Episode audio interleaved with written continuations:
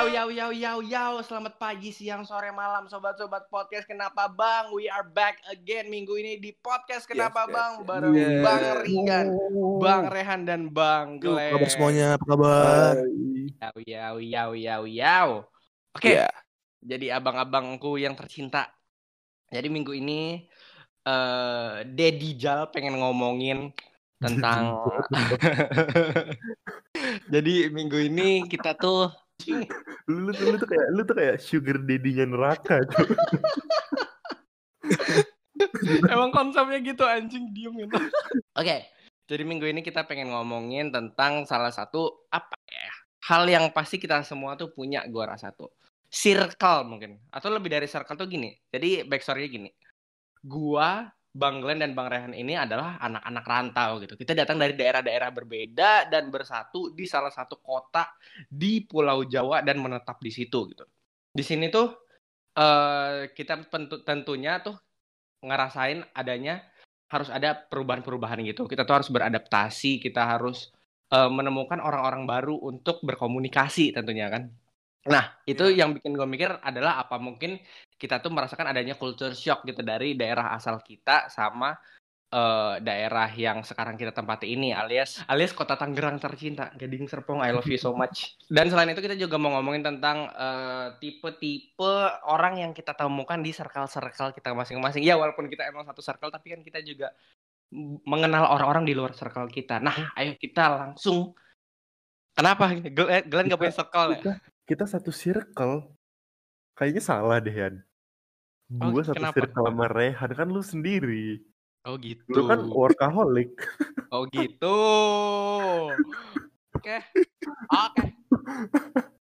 Sebenarnya kita coba mm, perkenalkan dulu ar- ar- arti culture shock itu menurut lu pada apa gitu kali ya.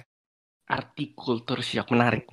Dari gue sendiri simpelnya culture shock tuh kayak ketika lu terbiasa atau ada di zona nyaman lu selama eh, jangka waktu yang panjang dan ada fase di mana lu harus keluar dari zona nyaman lu sendiri nggak kenal sama siapa-siapa dan lu harus hadapin itu menurut gua kayak gitu culture shock ya yang Hmm. terjadi nah, nah dari yang gua alamin sebenarnya eh jadi gua dari kecil tuh udah di dikasih sekolah yang berbau eh, agama. Nah, memang gue diajarin ketika teman-teman gua kemudian kita harus menjaga jarak antara mm, wanita dan pria. Kemudian kalau minum kita harus duduk Mek- merupakan contoh dari Rasul. Kemudian eh, kalau makan itu harus pakai tangan kanan harus berdoa dulu dan lain-lain banyak lah banyak Hmm. hal yang udah gue laksanain di sekolah itu Orang-orang Rehan ini berarti social distancing from born gitu. Yoi, anaknya 3M banget. Gila. 3M apa stiker M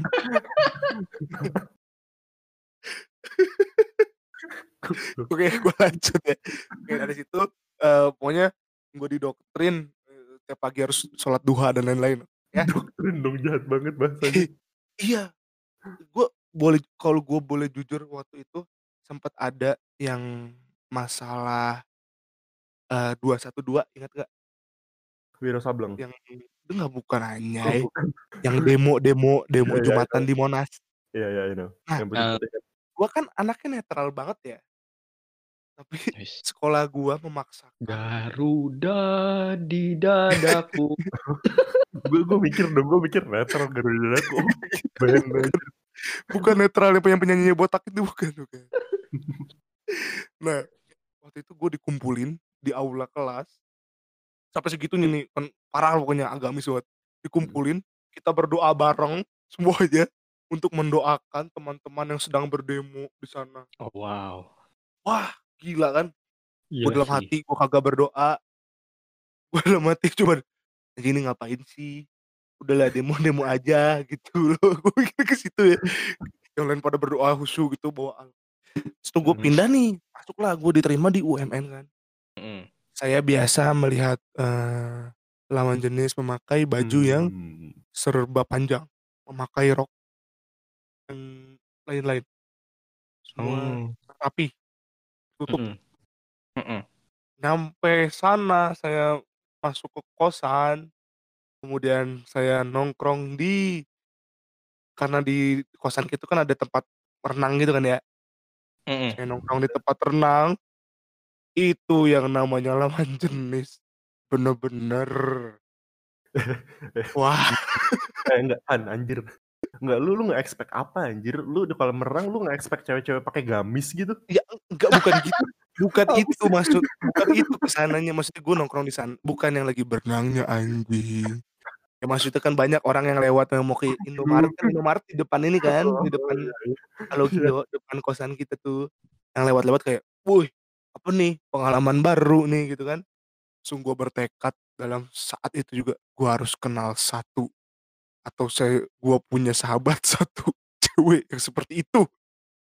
Tapi malah keterusan jadi semua yang lewat jadi sahabat. Ya, sebenarnya sebenarnya culture shock tuh apa sih? Culture shock tuh ini gak sih? Ya kayak eh, ketika lu stay lama di sebuah tempat yang lu udah mendalami culture-nya and then lu pindah ke sebuah tempat lain yang culture-nya berbeda kan. Iya. mm-mm. Menurut gue begitu. Nah, Gue gua, gua kan nggak bisa menilai diri gue sendiri. Jadi gue gue juga gue gue nggak ngerasa kalau gue tuh terlalu gue gue kena culture shock gitu loh. Gue gue nggak ngerasa gue kena sama hal itu karena kayak Hmm. apa yang gue lakukan di Batam apa yang gue lakukan di Tangerang ya udah gue lakukan di Batam juga. Kayak nongkrong ya nongkrong ya ya, ya minum ya, ya gitu. Jadi kayak paling itu culture paling culture shock yang gue alamin bukan dari kenakalan atau dari society-nya tapi dari eh, mandiri. Hal-hal mandiri kayak gue di Batam gue ke mana-mana kayak mau makan bareng teman keluarga mau atau mau makan di rumah kayak di sana gue shock ketika gue harus makan sendiri gue harus ke mana-mana sendiri gitu-gitu sih paling. Tadi katanya di- si Abang Glenn ini di di Batam dan di Tangerang ini orangnya ansos nih. nah itu ya gue kayak gue gue juga gue juga tidak merasa culture shock mungkin karena itu karena gue bukan bukan anak yang sosial sosial banget yang ya udah sih gue gue cuman mau main sama temen yang gue mau aja. Gue tidak peduli dengan berapa banyak gitu Bisa dilihat ya teman-teman ya, emang kita nih abang-abang nih sangat mengaplikasikan peraturan-peraturan pandemik gitu. si Ren social distancing, si Glenn stay at home gitu.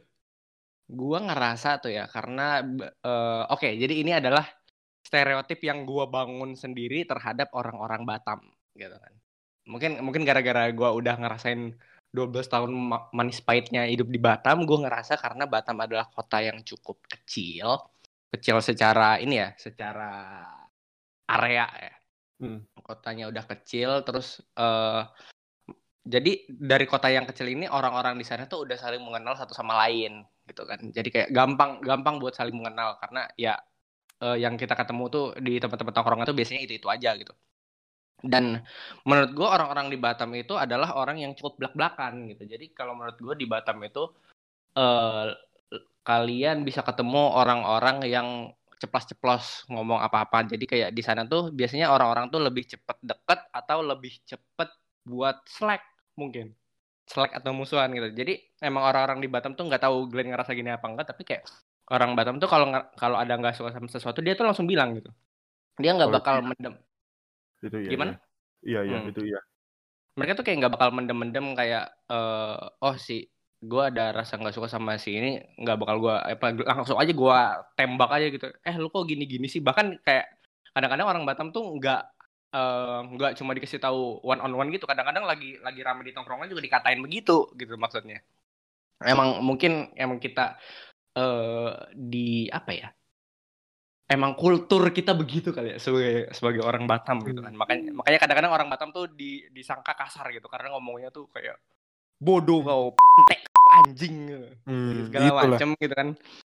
Emang, Cuma- di Tangerang di Tangerang lu tidak merasakan hal itu ya merasakan tapi beda ininya eh apa tuh namanya kayak penggunaan kata kasar di Tangerang tuh lebih ya emang membuat kasar gitu. Sedangkan kalau di Batam tuh itu adalah daily lingo gitu. Sa- lu pakai Hmm. buat obrolan sehari-hari gitu. Kayak kata kasarnya jadi imbuhan Iya jadi imbuhan gitu. Jadi kayak eh, anggapannya satu hari itu kayaknya selama gue SMA tuh gue nggak pernah satu hari tanpa ngomongin kata bodoh nggak gitu. Kayaknya gitu. Nggak bukan karena gue ngomong begitu karena bukan gara-gara ingin ingin ngatain orang tapi karena emang ya udah aja itu cara bersosialisasi kita gitu. Nah, back to the topic. Nah, kalau orang Tangerang menurut gue lebih individu tuh. Nggak tahu ini ada faktor gara-gara kita uh, udah tua juga kali ya, udah udah kuliahan mungkin itu jadi salah satu faktor juga. Tapi menurut gue orang Tangerang tuh lebih individu gitu. Jadi kayak kalau misalnya ada ngeliat yang nggak suka, oh ya udah emang ini bukan bukan buat gue aja, gue cari temen-temen main yang lain aja gitu. Uh, dan ya dengan circle circle bukan circle circle ya, tapi kayak maksudnya opsi bermain yang lebih luas gitu kan dari Tangerang lu bisa main ke Jakarta bisa main ke mana gitu jadi kayak lu enggak lu enggak ter apa ya maksudnya lu kayak enggak terkunci ke satu area main aja gitu lu masih bisa main ke sini bisa main ke situ jadi kayak emang an anak-anaknya tuh lebih individualis menurut gua gimana menurut kalian Iya nggak bisa jadi orang-orang yang ada di sini tuh yang kayak pindah ke sini tuh nggak frontal juga karena kayak gini deh, lu di Batam banyak yang frontline karena emang lu udah dari orok lu juga lahir di Batam. Jadi hmm. sudah merasa nyaman dengan lingkungan lu. Berbeda dengan yang di Tangerang kayak uh, Rehan dari Bandung. Kenapa mungkin Rehan tidak langsung ceplos-ceplos frontal karena nganggap juga kayak ah, gue perantauan nih, gue nggak boleh sembarangan dong. Gue juga harus hmm. hati-hati dengan apa yang gue keluarkan dari mulut gue. Better gue menghindar dibandingkan gue kena masalah di di wilayah hmm. orang. Mm -mm. Jaga nama dulu, boy. Oh, gua gua gua gua ngeras gua ngerasain culture shock deh. Di di Tangerang tuh gue baru pertama kalinya gue ngerasain kayak ada orang yang berbeda-beda di setiap circle tuh pasti pasti berbeda kayak dulu di circle lama gue ketika awal-awal gue kuliah tuh literally circle yang anak-anak baik yang kayak kayak kalau kayak gue ngerokok tuh kayak bukan dikatain tapi kayak ih lu ngerokok ih jangan gak usah ngerokok kali gitu-gitu Ya itu ya, paling ini di di Tangerang gue jadi jadi merasakan kalau banyak banyak circle dan uh, anak itu lebih circle-circlean di Tangerang dibandingkan di Batam. Oh iya? Gitu gue gue gue ngerasain gitu aja sih kayak di Batam tuh ya mungkin karena gue karena gue ansos kali ya. Jadi gue tidak merasakan hal itu di Batam. Iya, gue ngerasa di Batam tuh ada circle-circlenya, cuma ya mungkin kurang Tapi variatif kayak, gitu. Iya iya iya di di Tangerang tuh lebih lebih lebih berasa circle-nya. Hmm. Jadi mungkin kalau di Batam tuh lebih antara lu tuh kalau misalnya enggak nerd ya anak biasa, anak mall, kalau enggak ya geng-geng sok keren, sok keras gitu. Lu cuma tergolong di empat itu aja gitu. Tidak ada pilihan lain. Cuma di Tangerang kayaknya lebih banyak gitu gua rasa. Karena culture shock tuh menurut gue bener-bener bahaya sih kalau nggak ada yang ngedampingin lu karena culture shock itu culture shock itu juga juga dasarkan ini kan circle kan bukan cuma daerah doang daerah lu dari Batam lu pindah ke Tangerang tapi circle lu masih circle anak-anak yang sesuai dengan di Batam ya ya sama aja tapi kalau ketika lu nggak circle karena gue ada anjir kenalan yang di Batam anak baik-baik tidak pernah clubbing tidak pernah minum dan ngerokok ketika pindah ke Tangerang tuh langsung kayak uh gila anjir kayak hmm. ada all day gitu gila kayaknya gue salah satu korban culture shock juga sih karena gue di awal-awal tuh musuh gue tuh main banyak apa? gitu karena musuh. karena karena kalau karena kalau kalian perhatiin, gue tuh semester 1 semester 2 tuh banyak yang nggak suka kayaknya. Eh, lu kira lu kira kita Makanya, suka? Tuh, itu banyak, dia. Banyak exactly, banget. Gitu.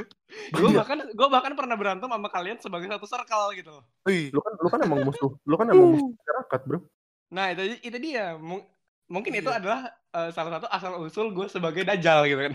Nah, gue mungkin ini ya gara-gara balik lagi ke tadi yang di Tangerang itu orangnya lebih op di Tangerang orang Batam tuh lebih uh, ceplas-ceplos segala macam gitu lebih kayak easy going lah kayaknya lebih easy going jadi kayak gua mengaplikasikan apa yang gua di uh, apa yang gimana cara gue bersosialisasi di Batam ke orang-orang Tangerang dan orang-orang Tangerang ini pada awal-awal tuh ada yang merasa risih gitu karena kayak gimana ya mungkin pada awal-awal kayak, wih anjir ini anak asik nih dia karena ngobrol mulu gitu. Cuma lama-lama kayak karena gue terlalu terlalu apa ya terlalu antusias mungkin. Hyper. Ja, mm -mm, jadi jadinya kayak mereka tuh ill feel kayak ih apa sih ini anak kok kayak SKSD banget gitu. Padahal kayak yeah.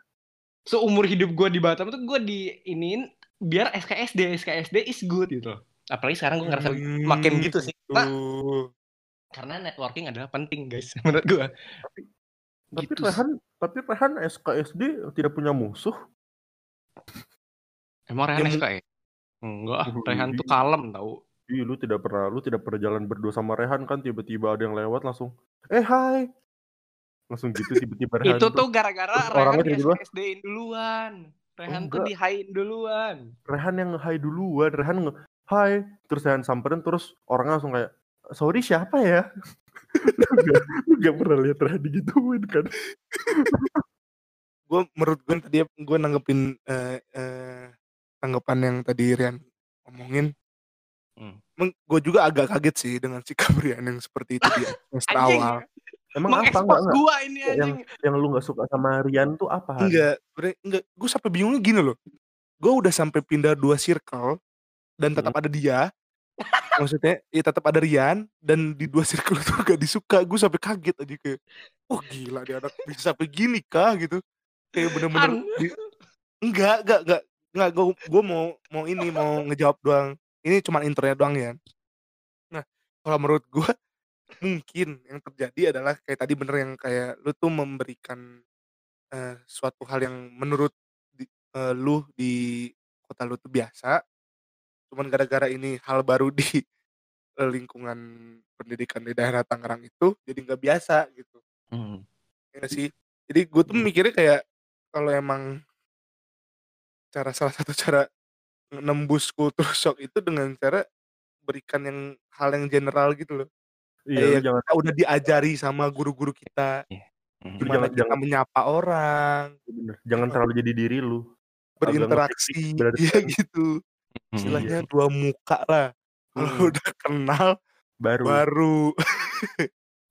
Ya lu Oke. boleh gila gitu. Ber- berarti konteksnya cir- eh, circle-circle ini tuh berbahaya gak sih? Nah, Apalagi itu ditambah dia. dengan apalagi dikolaborasi dengan circle-circle circle ditambah dengan sosial media. Uh, itu bahaya banget, men. Kayak Betsy, udah, gue tahu apa yang mau lu omongin Glenn. Kayak Betsy, iya. Ya, jadi itu itu ya, ya lu yang bawa ke situ bukan gue yang mau ngomong ya. Jadi kalau mau mau somasi ya silakan somasi Rian teman-teman. Allah, sok sok sok sok Iya, pure itu- kamu. Itu Betsy siapa sih gue gak ngerti siapa sih? Jadi Itu, eh. Betsy ini adalah Gila bridging-nya. seorang. Jadi gini, kemarin itu sempat ada content creator di TikTok yang bikin konten yang isinya agak ngebecandain eh, orang Cindo mungkin ya, orang Chinese. contohin dong. Gini, jadi kemarin tuh di ada konten yang yang ngejokesnya gini. Pengen ke Cina tapi nggak bisa bahasa Cina. oh Sing Futang, Shi Boba, oh Shilin, Hokben. Gitu. oh yang Jadi dia soal bahasa. Hmm, dia dia bukannya Rian dia rasis bukannya ya. dia bukannya eh enggak enggak apa-apa gue Cina gitu. Oh iya. gue tuh gue tuh sebagai orang setengah Cina setengah Jawa tuh gue bisa ngatain kedua pihak gitu. Dan gue tetap mayoritas. Oke. emang privilege banget gue nih. Jadi eh ya itu dia kan agak apa ya ngebecandain bahasa. Dan si Betsy ini adalah salah satu pengguna TikTok yang tidak suka gitu dia dia bilang kalau misalnya orang-orang seperti ini itu suka sama kulit putihnya orang Chinese suka sama angpaunya orang Chinese suka sama makanannya orang Chinese tapi ngehina-hina bahasanya gitu guys. hmm. Nah, gue gak, kebayang sih kalau dia main Valorant sama CS gue Lu, lu main PB bayangin, lah seenggaknya lu bayangin yang gue step main Valorant kayak, halo, pung lai tai rabai. Tiba-tiba ada orang Thailand yang nuntut gue, ngatain gue rasis karena hal kayak gitu, anjir. itu bakal jadi chaos banget sih, anjir. udah Nah. bakal stres banget gitu kayaknya Nah, untuk untuk Betsy mungkin hal itu adalah hal yang sensitif kan, tapi kayak iya nggak tahu ini personal untuk untuk gue itu kayak itu kayak hal yang biasa aja karena emang tongkrongan circle tongkrongan gue tuh emang yang kayak gitu yang kayak ketemu tiba-tiba genje tiba-tiba kayak gitu anjir out of nowhere kayak ya itu problem juga. akut ya tongkrongan lo ya genji eh, enggak ya tongkrongan gue kan lu orang bangsat berarti lu orang wibu dong gimana ya? Ya kembali kembali ke perspektif. Jadi Mungkin- poin poin Glenn adalah di eh, tongkrongan itu di, ya di tongkrongan dia mungkin jokes gitu adalah hal yang Ya, jarang yang ya wajar mungkin ya. yang- mereka Mhm. mungkin jokes mereka jokes yang elegan yang knock knock who's there? Yang gitu-gitu. Iya. Yang bukan yang Iya. jokes kasar dan jokes merendahkan kayak kita. Iya. Problemnya itu mungkin salah satu negatifnya Iya. memiliki circle-circle apa tuh Kalau pendapat gue sih kan sebe- gue sebagai cindo ya, sebagai mayoritas dan minoritas sekaligus. Gue gua waktu awal nonton video itu gue nggak ngerasa ini sih, gue nggak ngerasa offended sih. Cuma gue ngerti apa? lu nggak ke-trigger kan sama hal kayak Nggak. gitu? Awal-awal gue nggak ke-trigger sama sekali waktu nonton video itu. Oh ya udah aja gitu. Emang ya udah bercandaan aja. Tapi kemudian gue ngerti juga kalau misalnya ada yang ke-trigger sama bercandaan-bercandaan macam gini gitu. Karena misalnya hidupnya eh, di di dari kecil tuh sering dirasisin gitu, sering dihina-hina gara-gara dia Iya, ngerti sih main di kalau itu. Indonesia gitu, misalnya begitu kan. Gue ngerti gitu kalau yang begitu, cuma yang jadi masalah orang-orang ini adalah si Betsy ini adalah dia cara cara ngasih taunya itu kasar kalau kata mereka gitu. Yang menurut gue Hmm. enggak sih, cuma oke gue ngerti. Kata orang tuh terlalu kasar gitu, karena katanya nggak nggak merepresentasikan komunitas Chinese Indo gitu. Katanya gitu. Tapi gue ngerti sih sebenarnya apa eh, apa maksudnya sudut pandangnya si Iya, Betsy. iya, gua juga, gua juga sebe- sebenarnya si Betsy itu nggak salah dengan hal kayak gini, cuman menurut gua eh karena gue yang emang circle gue kayak gitu too much aja dia sen, dia ketri- terlalu sama kayak gitu karena itu kayak Hmm. bukan hal yang benar-benar necessary gak sih Hmm, kayak bener. Han lu, lu lu bakal ketrigger gak sih kalau tiba-tiba gue ngomong ke lu Han aing teh mau anjing aing mau nggak kayak ya itu nggak boleh gitu cuy. oh, oh, maaf maaf gue pengen ayo coba ngomong gitu deh ke ke orang tua gitu orang tua yang Sunda Betsy Iya, kan bukan kan. orang tua bangsat Itu dari, dari situ aja gue gue udah sering gara-gara mungkin udah kebiasa ya.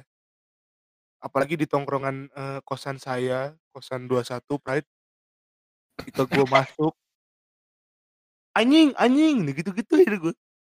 Semua anjing orang Oh. Sunda anjing, anjing. Jadi kayak oh ya udahlah gitu. Biasa Iya. lah. Mana iya teh, mana teh goblok anjing gitu. Gitu-gituin. Biasa tapi ya. iya. kita tidak menyalahkan Betsy-nya di sini Iya.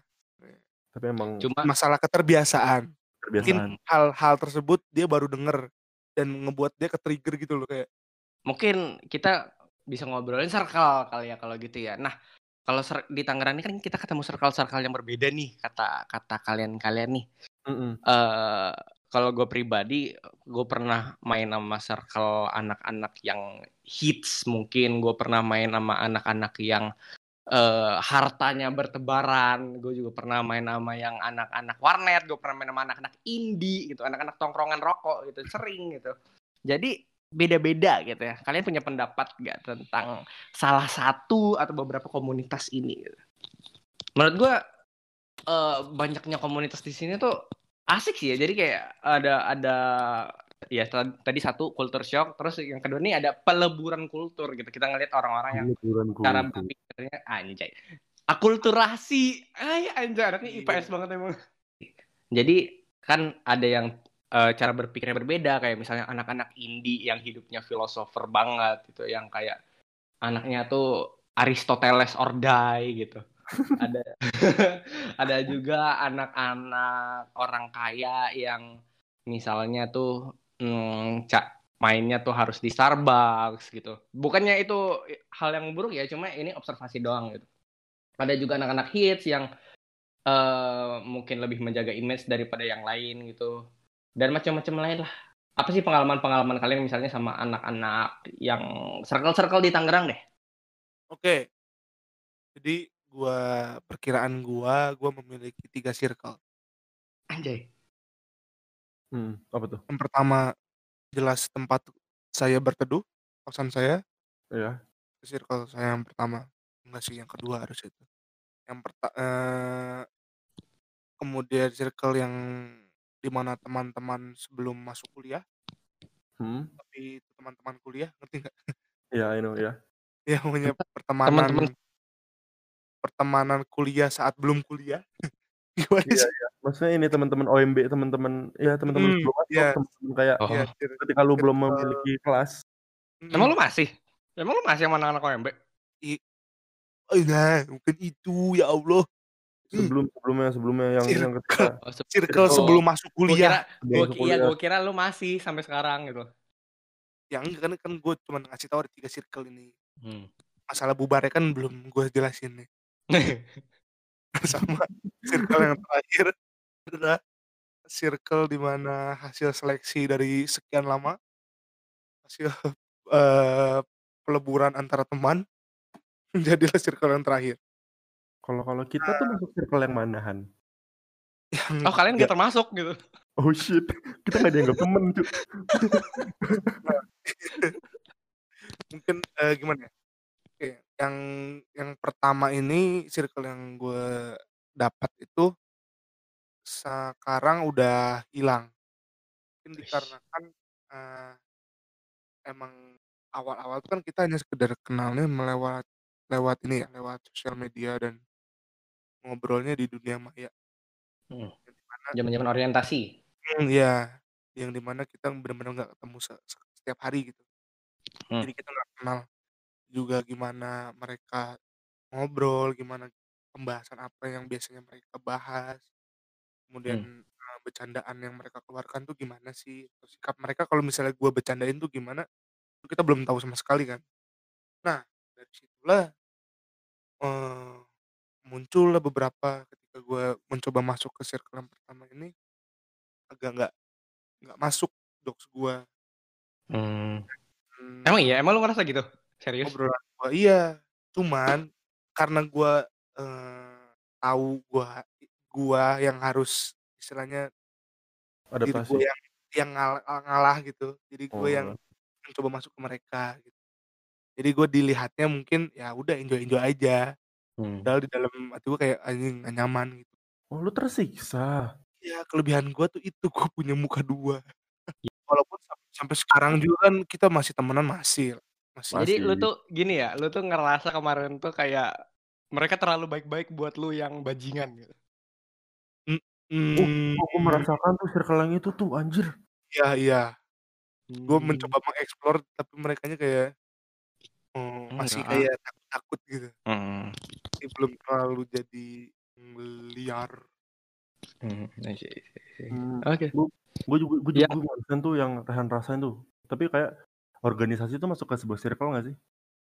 Itu hitungannya circle. Tergantung, tergantung. Ya kalau lanjut keluar, uh, kalau sampai keluar luar cuman kalau cuma sampai selesai kepanitiaan mah kagak itu bukan circle itu Ya, uh, uh, uh, gue jadi bingung mau ya gue gue gue Lu udah motong-motong gue juga gue juga kayak Rehan aja kan kayak gue di circle awal gue yang circle cuman kayak sekedar berkenalan supaya memiliki teman dan kemudian gue juga punya circle yang di mana tadi circle organisasi terus ketiga gue juga punya circle yang kata Rehan tadi yang udah di filter yang udah jadinya teman main sekarang Ya hmm. bener-bener kasar banget sih di circle yang kayak di circle ke awal yang gue tuh memang literally harus adaptasi yang gue nggak bisa sembarangan ngejokes dan bahkan even gue udah jokes gue udah di filter masih ada aja orang yang masuk ke circle tersebut dan kayak offended sama jokes-jokes gue dan endingnya malah dia yang keluar circle gitu-gitu. Terus gue juga yang circle gue dengan organisasi di mana circle yang kayak kayak gue gue nggak tahu sih tapi gue menganggap diri gue kayak agak agak agak terkucilkan karena gue ngerokok antingan dan tatoan. Oke, Dan ya itu dan terakhir gue memasuki circle yang gue merasa fit in bangetnya sama circle ini karena isinya juga manusia-manusia bangsat seperti gue. Jadi gini pertanyaan gue kepada kalian, kalian kan udah ngefilter-filter nih kayak. Nah, gue, oh, gue, mau, gue mau tahu, gue mau tahu circle lu dulu, Yan. Gimana Yan? Nanti dulu, sabar. Di, oh, itu lu, lu bahaya. Lu pandai lu lu di circle lu selalu dibuang ya makanya lu punya lu punya banyak circle anjing enggak kalau gua kalau gua mungkin pertama-tama tuh gue banyak main sama anak baik-baik gitu kan. Terus uh, ya iya karena circle gua sama Rehan tuh yang pertama-tama tuh sama gitu kan. Kebetulan kita kenal kenal pas awal-awal zaman orientasi itu anak-anaknya masih terlalu baik-baik banget gue masih terlalu apa ya naif banget gitu. Naif. Terus mulai gue mikir kayak oh kayaknya gue butuh kenal sama semua orang gitu. Terus kan kayak gara-gara kelas kita yang iya mulai dari kelas ya kayaknya ya. Macam-macam orang di kelas tuh gue mencoba buat oh gue pengen kenal deh satu-satu orangnya kayak apa. Nggak gue nggak memaksa diri gue pengen sosialita cuma ya pengen aja gitu gue suka suka temenan gitu. Terus gue mulai kenal gitu kayak oh orang-orang yang anak-anak sultan itu ternyata begini gitu. Plus minusnya ini terus ada juga yang indie plus minusnya ini gitu gitu loh segala macam. Banyak sebenarnya uh, yang mungkin bukan circle di mana gue berada tapi circle yang gue sempat interaksi mungkin. Gue nggak ya gue paling circle-nya nggak jauh-jauh beda dari kalian gitu kali ya karena ya sekarang gue mainnya sama kalian mulu gitu kayak setahun kemarin tuh gue cuma intensif ngobrol sama ya anak 88 doang gitu. 88 Pride Double Infinite Pride. Udah gitu. Sebenarnya nggak jauh beda gitu. Jadi pertanyaan gue ke kalian adalah dari komunitas-komunitas komunitas ini yang berbeda-beda apakah kalian ada preferensi atau malah ngejauhin komunitas-komunitas tertentu gitu. Karena kan kalian kan mau filter nih uh, orang-orang yang bisa main sama kalian sama yang enggak nih. Apa coba? Gimana kira-kira?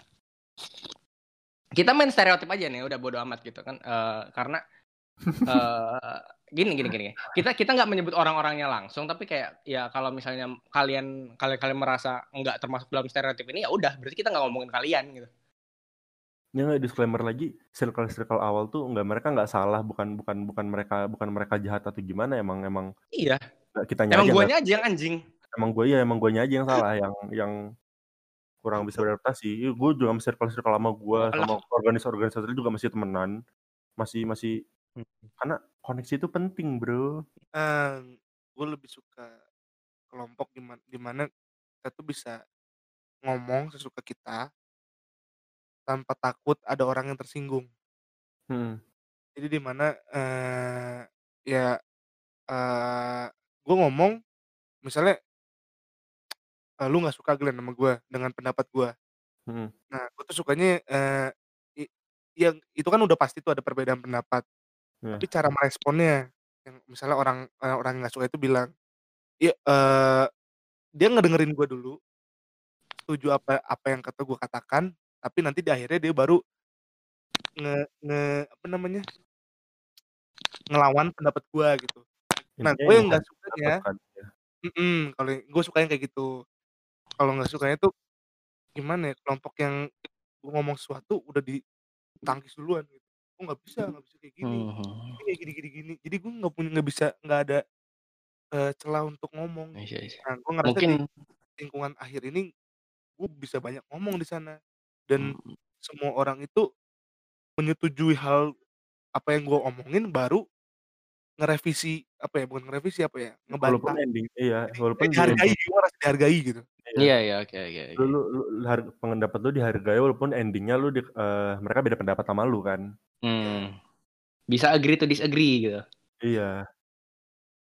Mungkin balik ke ini ya, open minded-nya itu ya kali ya. Iya, Karena iya. kita makin ke sini orang-orang open minded tuh kayaknya lebih enak diajak main gitu. Walaupun anak-anak Twitter tuh biasanya oh open minded pasti bahasa Inggris. Terus benci negara agama. Wah fix gue dikatain gak open minded sih gara-gara tadi gue ngebahas Betsy itu.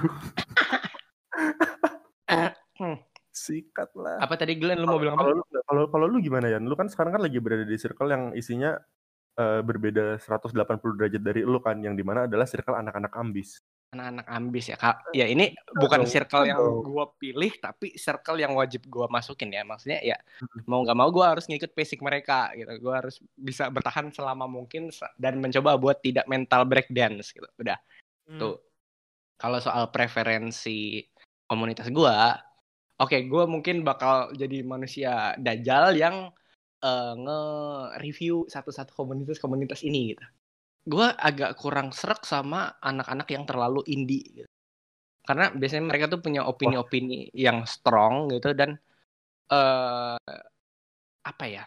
Mungkin mirip-mirip sama Rehan tadi dan orang-orang yang gue ketemuin yang menurut gue cukup indie ini adalah orang-orang yang biasanya ngebantah-bantah gitu. Gue ngerasa nggak divalidasi atau nggak dihargai sama ide-ide gue gitu. Gue ngerasa gitu karena mereka punya set of rules buat hidup masing-masing gitu ya ya nggak tahu lah menurutku sih begitu jadi hmm. bagi orang-orang yang berpikiran terlalu keras seperti ini mungkin gue agak males diajak ngobrol gitu padahal sebenarnya mereka pinter gitu menurut gue mereka orangnya uh, eh, open minded cuma emang sengit gitu open uh, ya itu jadinya kayak kalau buat diajak diskusi segala macam itu interesting gitu cuma ya gitu kalau hmm. anak-anak orang kaya menurut gue nih hmm. jokesnya mungkin agak uh, agak kurang masuk ke gua yang tiap hari makan warteg gitu. Iya bener-bener anak-anak yang makan warteg mungkin beda. Bener, jokes-jokes gang yang biasa kita gunakan di tongkrongan gang-gang kita tuh sama anak anak-anak high class tuh nggak akan masuk sih, bener-bener. kayak jokes jokes mereka mungkin yang tipe-tipe knock knock itu nggak lucu-lucu banget bagi gue mungkin enggak iya bener.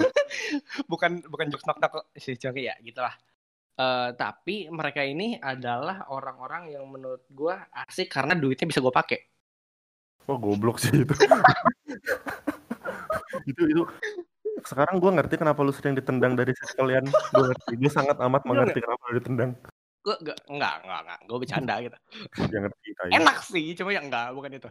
Uh, ya mereka nih maksudnya anak-anak yang nggak tahu gue tuh ada teman satu yang dia tuh cara berpikirnya tuh beda gitu. Karena karena mungkin dia emang terbiasa hidup di bergelimang harta.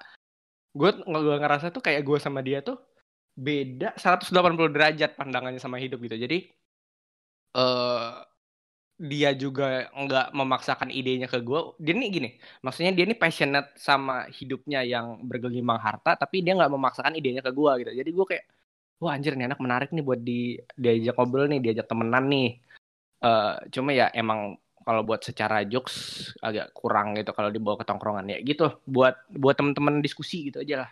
Oh ya tadi gue bilang circle apa lagi? Circle anak tongkrongan menurut gue yang paling enak gitu karena mereka biasanya hidupnya tuh legowo karena, iya, kayak go with the flow aja, bukan yang anak-anak butt hurt nggak jelas gitu.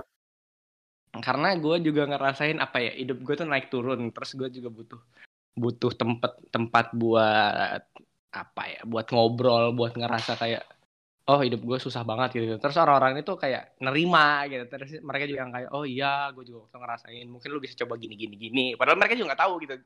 Kayak apa ya? Ada ada perasaan enak buat nemu orang-orang yang sama-sama hilang gitu di hidup. Hmm. Intinya lu, buat... lu lu lu nyari lu preferensi lu ya sebelas sebelas sebagai kita semua nyari yang yang ada support sistemnya kan. Iya benar mungkin. Itu bukan system. berarti harus harus yang positif kayak nggak apa-apa ya lu gini-gini support system juga bisa kayak lu lu lu lu dikata-katain tetapi lu ditemenin itu juga menurut gue bisa menjadi support system untuk gue. Hmm. Hmm. Gue uh, ini sih Ya, support system tuh benar kayak uh, sekarang anak 88 tuh menurut gue tuh support system yang cukup bagus gitu buat teman main segala macem. Uh, dan kebetulan uh, kita kita tuh anak-anaknya menurut gue lumayan open minded gitu, jadi kayak buat diajak diskusi juga masih enak. Cuma gue makin ke sini itu mikir mungkin gue perlu memperluas uh, networking gue lagi gitu karena yeah. misalnya gue butuh teman-teman buat diajak serius kerja gitu, mungkin kalau gue bawa ke tongkrongan nanti gak enak gitu beda gitu karena ih kenapa kita jadi serius-serius banget gitu loh. Atau ada anak-anaknya yang emang mageran gitu misalnya kan. Uh, itu beda-beda gitu. Jadi menurut gue sih ting ya itulah. Pilih-pilih lah berteman lah sebanyak mungkin tapi selektif gitu. Gue setuju soal support system tadi hmm. gue ngerasa dibantu banget sih sama kalian. Gila sih. Uh, Hmm. Iya maksudnya dengan maksudnya itu kan udah menjadi hal apa ya istilahnya udah jadi ketika lu sudah menemukan uh, suatu hal yang pas dengan lu ya pasti lu stay di situ gitu udah otomatis. Hmm. Kalau udah nyaman ya kenapa harus pergi gitu kan? Iya. Anjay ini bocor banget anak ini. Eh kenapa? Udah udah yan. Fuckboy ingat fuckboy. Gue udah gue udah terbiasa dengan rehan yang kayak gitu. Coba bandingin sama orang yang pindah-pindah terus dia eh, pindah-pindah apa eh uh, dia nyoba sini nggak dapet nyoba sini nggak diterima. Emang orangnya bangsat berarti. Emang bangsat ya kan? Iya ya kan? Nggak gue mau bilang sebenarnya di circle yang sekarang pun udah mau ditendang kan?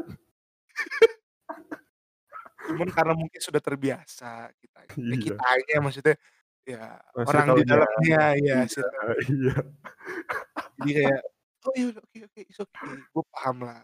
Ya, jadi intinya terima kasih ya ke kepada anak-anak 88 yang membiarkan saya secara terpaksa atau tidak terpaksa masuk ke tongkrongan kalian gitu. Saya sering membuat keributan dan saya sangat berterima kasih kalian masih bersabar. Iya, iya. Sama-sama. Ya, berarti kembali lagi ke inti yang tadi, uh, kita kita nggak menyalahkan circle mana-mana. Tapi, Iya. uh, kayak, ya udah lo lo, gua gua, jangan karena hmm. jokes gua gua lagi ngebawa jokes gua di circle gua dan circle sebelah denger lu langsung ke-trigger karena kembali ke lu lu, gua gua. Circle lu dan circle gua tuh berbeda. Dan oke, kita udah nyampe di penghujung acara. Terima kasih teman-teman yang udah dengerin episode yang kayaknya lumayan panjang ini gitu. uh, gue mau ingetin kalian buat tetap stay up to date with podcast Kenapa Bang. Follow kita di Spotify dan juga Instagram. Instagram di @pod.kenapabang, Spotify di podcast Kenapa Bang. Bener banget. Tiga. Yoi, jangan lupa juga follow abang-abang kita yang ganteng dan juga predator di @r.anatadn dan juga Glenolaf. Nanti juga yeah. gue ada di description. Oh ya, yeah. kalau kalian punya cerita-cerita tentang circle kalian masing-masing yang kayak menarik bisa banget DM hmm, atau misalnya komen langsung di post kita di @pod.kenapa bang tadi gitu. Agar kita tetap stay kayak tongkrongan gitu. Karena podcast Kenapa Bang adalah tempat safe place buat kita ngobrol-ngobrol dan nongkrong bareng. Yo man. Yo. Terima kasih udah dengerin and we are podcast Kenapa Bang? Bang Glenn, Bang Rehan, Bang Rian signing out. Thank you guys. Bye bye. Bye bye. Thank you semua.